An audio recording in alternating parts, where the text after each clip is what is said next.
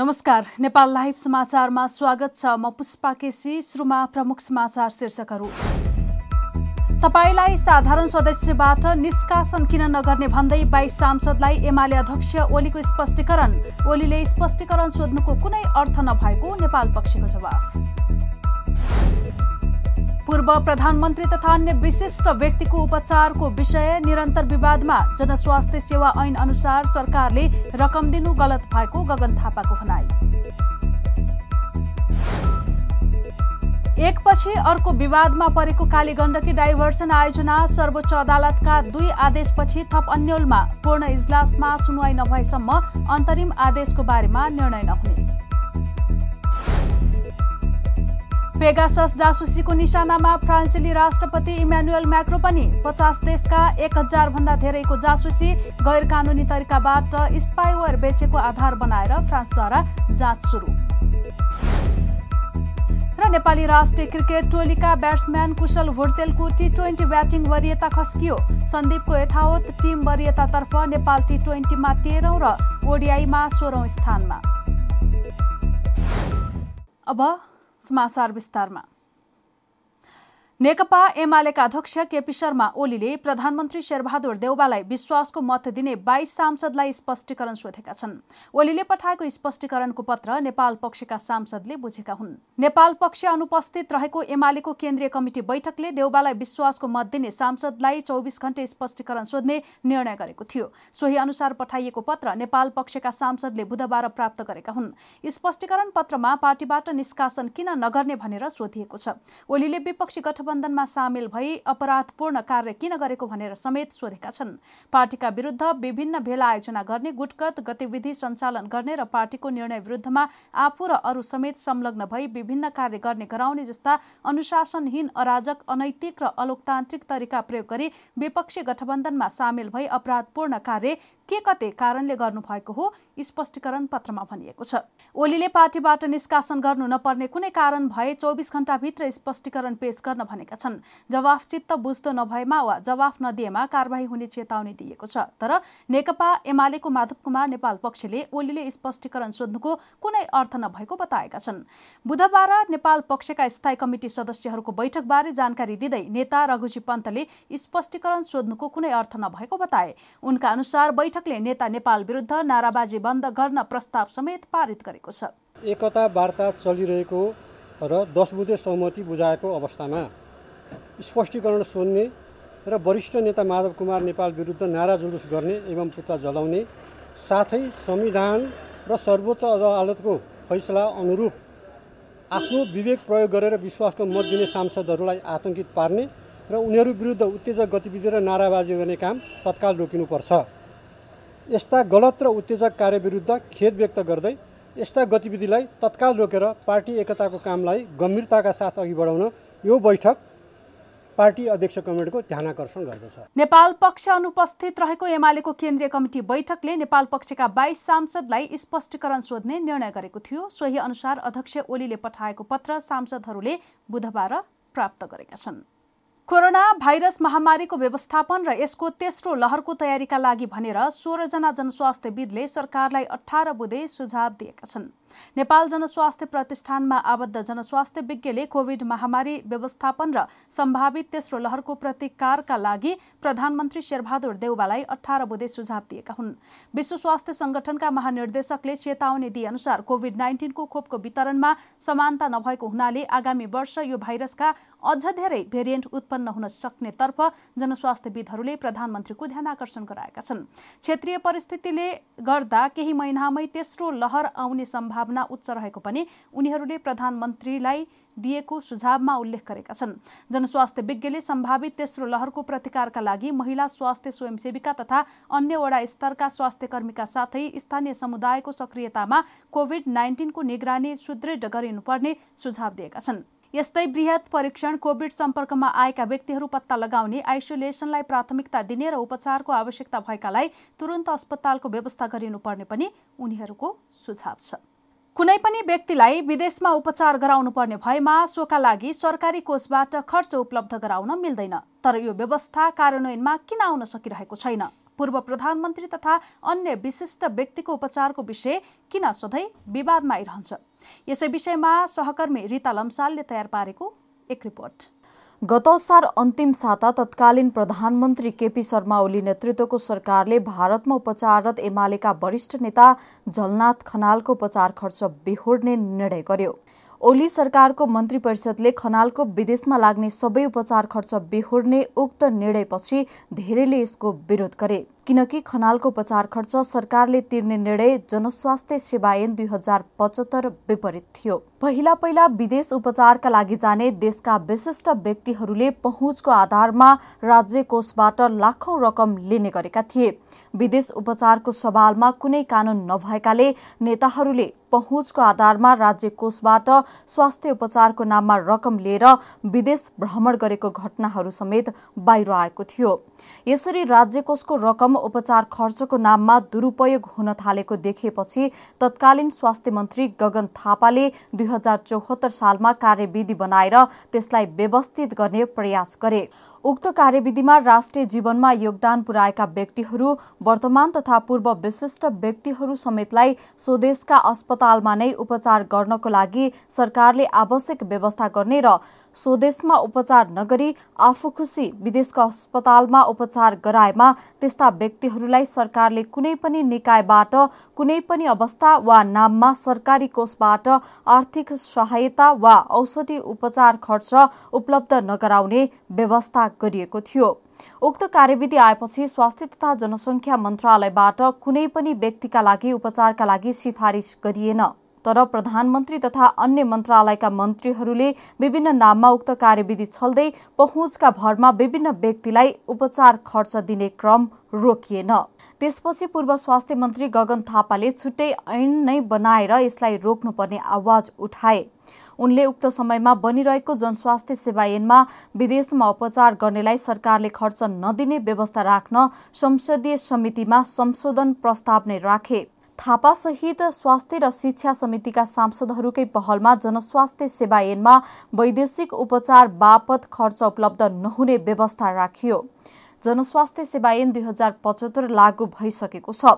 उक्त ऐनको दफा तीसमा प्रचलित कानूनमा जुनसुकै कुरा लेखिएको भए तापनि कुनै व्यक्तिलाई विदेशमा उपचार गर्नुपर्ने भएमा सोको लागि लाग्ने खर्च नेपाल सरकारबाट उपलब्ध गराइने छैन भनेर लेखिएको छ। यसको अर्थ खनाल तथा अन्य कुनै पनि व्यक्तिले विदेशमा उपचार गर्दा लाग्ने खर्च सरकारले दिन मिल्दैन।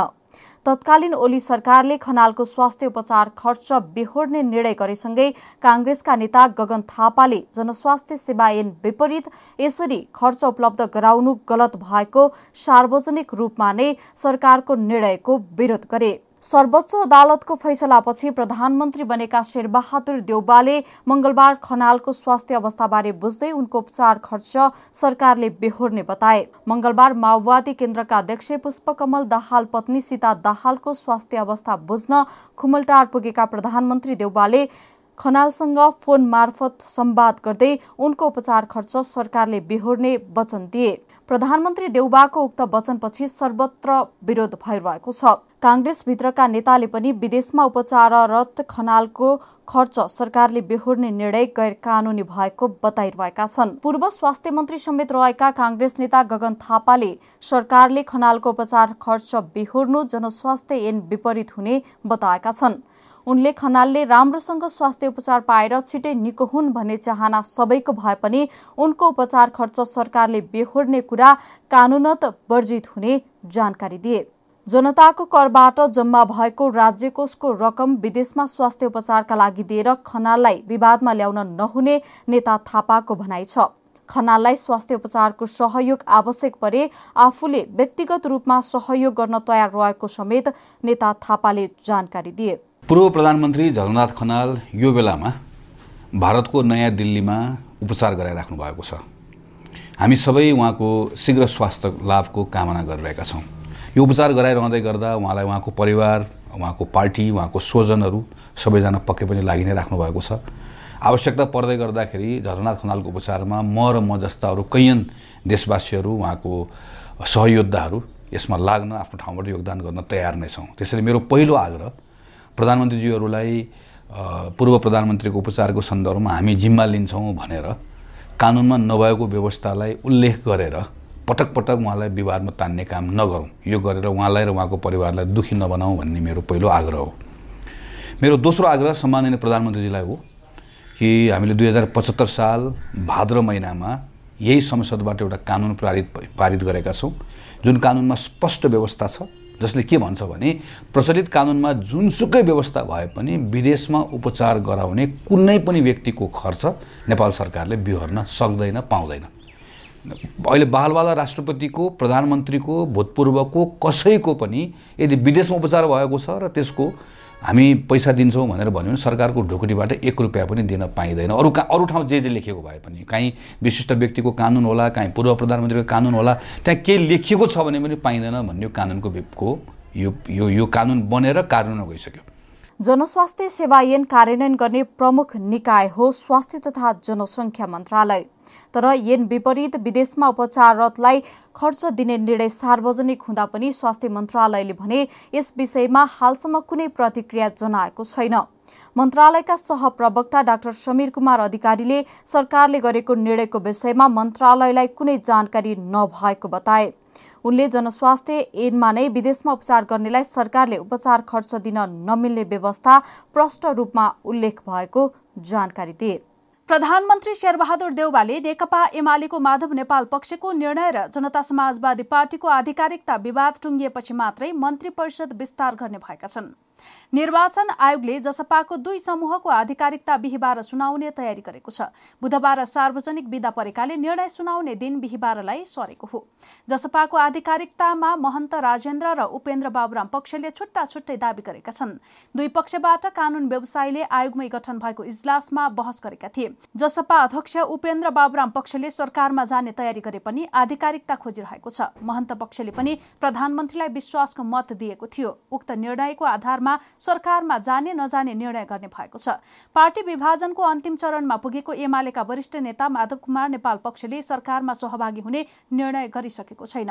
औपचारिक विभाजन भएको अवस्थामा नेपाल पक्ष सहितको सरकार बनाउने प्रयासमा देउबा छन्। देउबा निकट एक नेताले भने जसपाको आधिकारिकता र माधव नेपाल पक्षको निर्णय प्रधानमन्त्रीले कुर्नु भएको छ। ती दुई विषय टुङ्गिएपछि मात्रै मन्त्री परिषद विस्तार हुन्छ। नेपाल पक्ष सरकारमा सहभागी हुने आकलनमा काङ्ग्रेसलाई साथ माओवादी केन्द्र नेपाल पक्ष र जसपालाई छ छ मन्त्रालय भागवण्डा गर्ने आन्तरिक सहमति बनेको छ। नेपाल पक्षको निर्क्योल नगरी पार्टीभित्रका समूहलाई मन्त्रालय बाँडफाँड गर्ने सोचले प्रधानमन्त्री देउवाले मन्त्री परिषद विस्तारको कुरा नउठाएको बताइएको छ। वरिष्ठ नेता रामचन्द्र पौडेल पक्षका एक शीर्ष नेताले भने नेपाल पक्ष सरकारमा सहभागी नहुने निश्चित भए त्यही अनुसार पार्टीका समूहमा पनि भागभण्डा हुन्छ। प्रधानमन्त्री तथा पार्टी सभापतिजीले त्यही सोचेर पार्टीभित्र कुरा नगर्नु भएको होला। वरिष्ठ नेता पौडेल पक्षले सरकारमा उप प्रधानमन्त्रीको दावी पनि गरेको छ। महामन्त्री शशाङ्क कोइराला तथा नेता प्रकाशमान सिंह र सुजाता कोइराला मध्ये एकजनालाई उप प्रधानमन्त्री बनाउनु पर्ने पौडेल पक्षको बटम लाइन रहेको छ। एकपछि अर्को विवादमा परेको कालीगण्डकी डाइभर्सन आयोजना सर्वोच्च अदालतको पछिल्लो आदेशपछि थप अन्यलमा परेको छ। सोमबार दुई न्यायाधीशको संयुक्त इजलासको आदेशपछि यो आयोजना बनाउने कि नबनाउनेमा अन्यल सिर्जना भएको हो। सोमबार न्यायाधीशद्वय प्रकाशमान सिंह राउत र हरिप्रसाद फुयालको इजलासले आदेश गर्दा उनीहरू बीच राय बाजियो न्यायाधीश राउतले आयोजना रोक्नुपर्ने पक्षमा अन्तरिम आदेश जारी गरे भने न्यायाधीश फुयालले आयोजना रोक्न नहुने पक्षमा आदेश जारी गरे। चार पेजमा विभाजित आदेशले यो मुद्दालाई निकास दिएन नै बरु झन कानुनी अन्यलमा पारिदियो यसअघि एकल इजलासले लिखित जवाफ माग्दै कारण देखाउ आदेश जारी गरेको थियो भने दोस्रो पटक प्रधान न्यायाधीश चोलेन्द्र शमशेर राणाको इजलासले अन्तरिम आदेश जारी गरेको थियो। यो विवाद अब पूर्ण इजलासमा जाने भएको छ। अर्को सुनवाईका लागि तीन पाँच सात वा सोभन्दा धेरै न्यायाधीश संलग्न हुने पूर्ण इजलास गठन गर्नुपर्नेछ।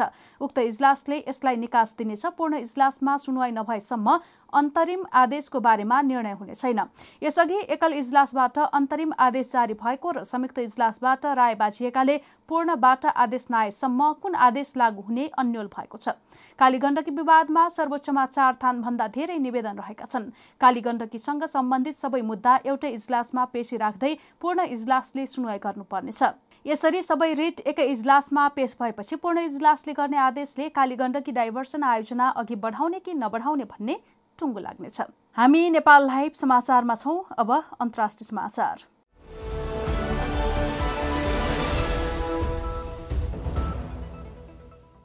इजरायली स्पाइवेयर पेगाससको माध्यमबाट जासुसीको निशानामा फ्रान्सका राष्ट्रपति इमानुएल म्याक्रो पनि परेका छन्। विश्वका नेताहरूको सूचीमा इजरायली स्पाइवेयर पेगाससको माध्यमबाट म्याक्रो पनि जासुसीको निशानामा परेका हुन्। तर यो सफ्टवेयर म्याक्रोको फोनमा इन्स्टल गरिएको थियो या थिएन भन्ने बारे अहिलेसम्म स्पष्ट भएको छैन। राष्ट्रपति कार्यालयले यदि मिडिया रिपोर्ट्सको दावी साँचो हो भने यो निकै गम्भीर रहेको जनाएको बिबिसीले उल्लेख गरेको छ। फ्रान्सेली सरकारका अधिवक्ता कार्यालयले एक जारी गर्दै उसले व्यक्तिगत स्वतन्त्रताको हनन डेटाको गैरकानुनी प्रयोग र गैरकानुनी तरिकाबाट स्पाइवेयर बेचेको आधार बनाएर जाँच सुरु गरेको जनाएको छ। फ्रान्सको पत्रिका ला मोन्डेको रिपोर्ट अनुसार मोरक्को जासुसी संस्थाले म्याक्रुले सन् दुई हजार सत्रदेखि प्रयोग गरेको फोनको पहिचान गरेको छ।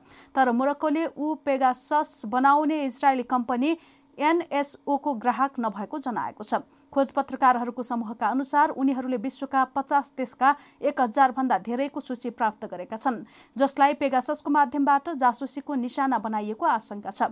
यस लिस्टमा छ सय भन्दा धेरै नेता सरकारी अधिकारी र एक सय उनानब्बेजना पत्रकार छन्। मेक्सिको र साउदी अरबका सबैभन्दा धेरै यो लिस्टमा छन्। भारतमा यो सूचीमा काङ्ग्रेस नेता राहुल गान्धी केन्द्रीय मन्त्री अश्विनी वैष्णव र प्रहलाद पटेल पूर्व निर्वाचन आयुक्त अशोक लवासा चुनाव रणनीतिकार प्रशान्त किशोर ममता बनर्जीका भतिजा अभिषेक बनर्जी भारतीय भाइरोलोजिस्ट गगनदीप कङ्ग र भारतका पूर्व प्रधान न्यायाधीश रञ्जन गोङ्गोईमाथि यौन उत्पीडनको आरोप लगाउने महिला समेत गरी कैयौं पत्रकारको नाम पनि रहेको छ। नेपाल लाइभ समाचारमा अब खेल समाचार।